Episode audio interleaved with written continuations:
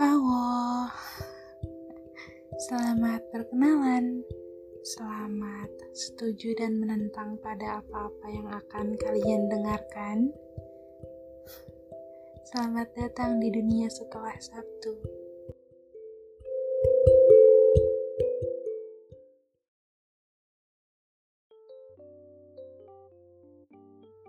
Ini pasti bukan cuma aku doang. Belakangan ini lagi sering banget dengar kata healing. Proses untuk nyampe ke titik sembuh katanya. Hmm, sembuh. Ketika tujuannya adalah sembuh, berarti ada sesuatu yang yang kita anggap itu luka. Yang takut untuk kita buka. Yang sering kali jadi penyebab kita selalu ngeluarin kata enggak apa-apa. Padahal ngerasa enggak baik-baik aja juga kan salah satu tugas jadi manusia.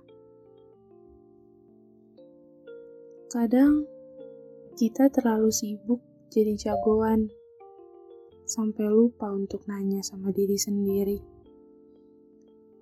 Beneran, gak apa-apa. Beneran, baik-baik aja. Hele, jadi jagoan buat orang lain mulu. Buat diri sendirinya kapan? Gak usah batuk yang di pundak bisa jadi lebih ringan kalau kamu mau bagi sama sekitar. Nggak melulu perlu jadi jagoan sendirian. Kasih porsi orang lain juga untuk sesekali bisa jadi jagoan buat kamu. Lagian tahu nggak sih? Kasih tanpa pamrih itu ada. Banyak loh kita cuma perlu lihat sekeliling kita, karena nggak semua yang kita terima harus berakhir dengan jadi beban kita. Nggak perlu ngerasa nggak enak nerima uluran tangan manusia lain.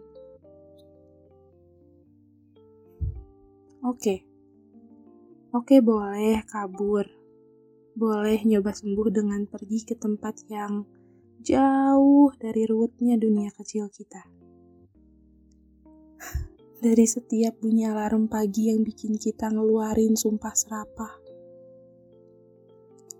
Dari macetnya jalanan kota setiap kita pergi kerja. Atau dari perasaan gak tenang tiap kali gak sengaja ngelewatin kedai kopi yang pernah punya cerita tentang kita dan masa lalu. iya, boleh kabur tapi pertanyaannya, berapa lama? Sampai kapan? Di mana titik udahnya? Jangan sampai yang kita kira pergi untuk sembuh itu ternyata cuma sekedar sekedar ngedistraksi diri sendiri dari riuhnya isi kepala. Nah, hayo kalau ternyata yang ganggu itu adalah isi kepala kita sendiri, kaburnya mau ke mana? Gimana? Coba berhenti sebentar. Nggak perlu kelimpungan.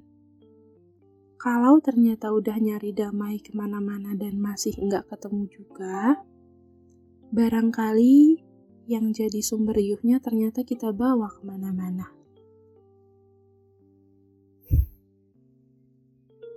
Sekarang gini deh. Kapan terakhir kali berani datengin lagi tempat yang pernah nyimpen cerita? Atau masih takut sakit kah tiap kali mau putar lagu yang dulu sempat jadi saksi cerita di masa lalu? Nah kan, boleh kabur. Tapi di akhir hari, kita perlu ketemu sama pintu damai. perlu belajar nyelam biar nggak tenggelam. Biar bisa pergi ke kedai kopi mana aja tanpa ngerasa takut sama bayang-bayang masa lalu. Biar bisa putar lagu favorit kita dulu, tanpa harus ngerasa sakit karena tiba-tiba keinget hari-hari yang udah lalu. Biar bisa bangun karena alarm pagi tanpa diiringi sumpah serapah biar macetnya jalanan kota nggak lagi jadi penyebab awal atas hari payahnya kita.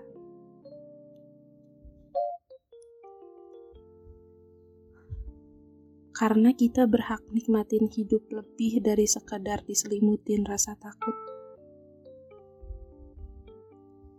Kita berhak hidup untuk kejutan Tuhan di hari lainnya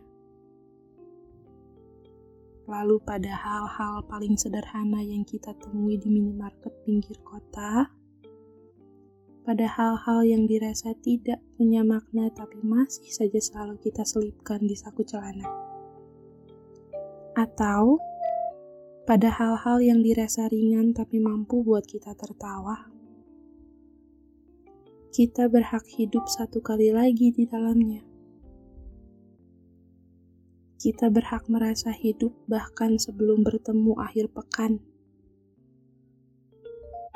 Iya, kita berhak menikmati hidup lebih dari sekedar kabur. Lebih dari sekedar menunggu datangnya akhir pekan.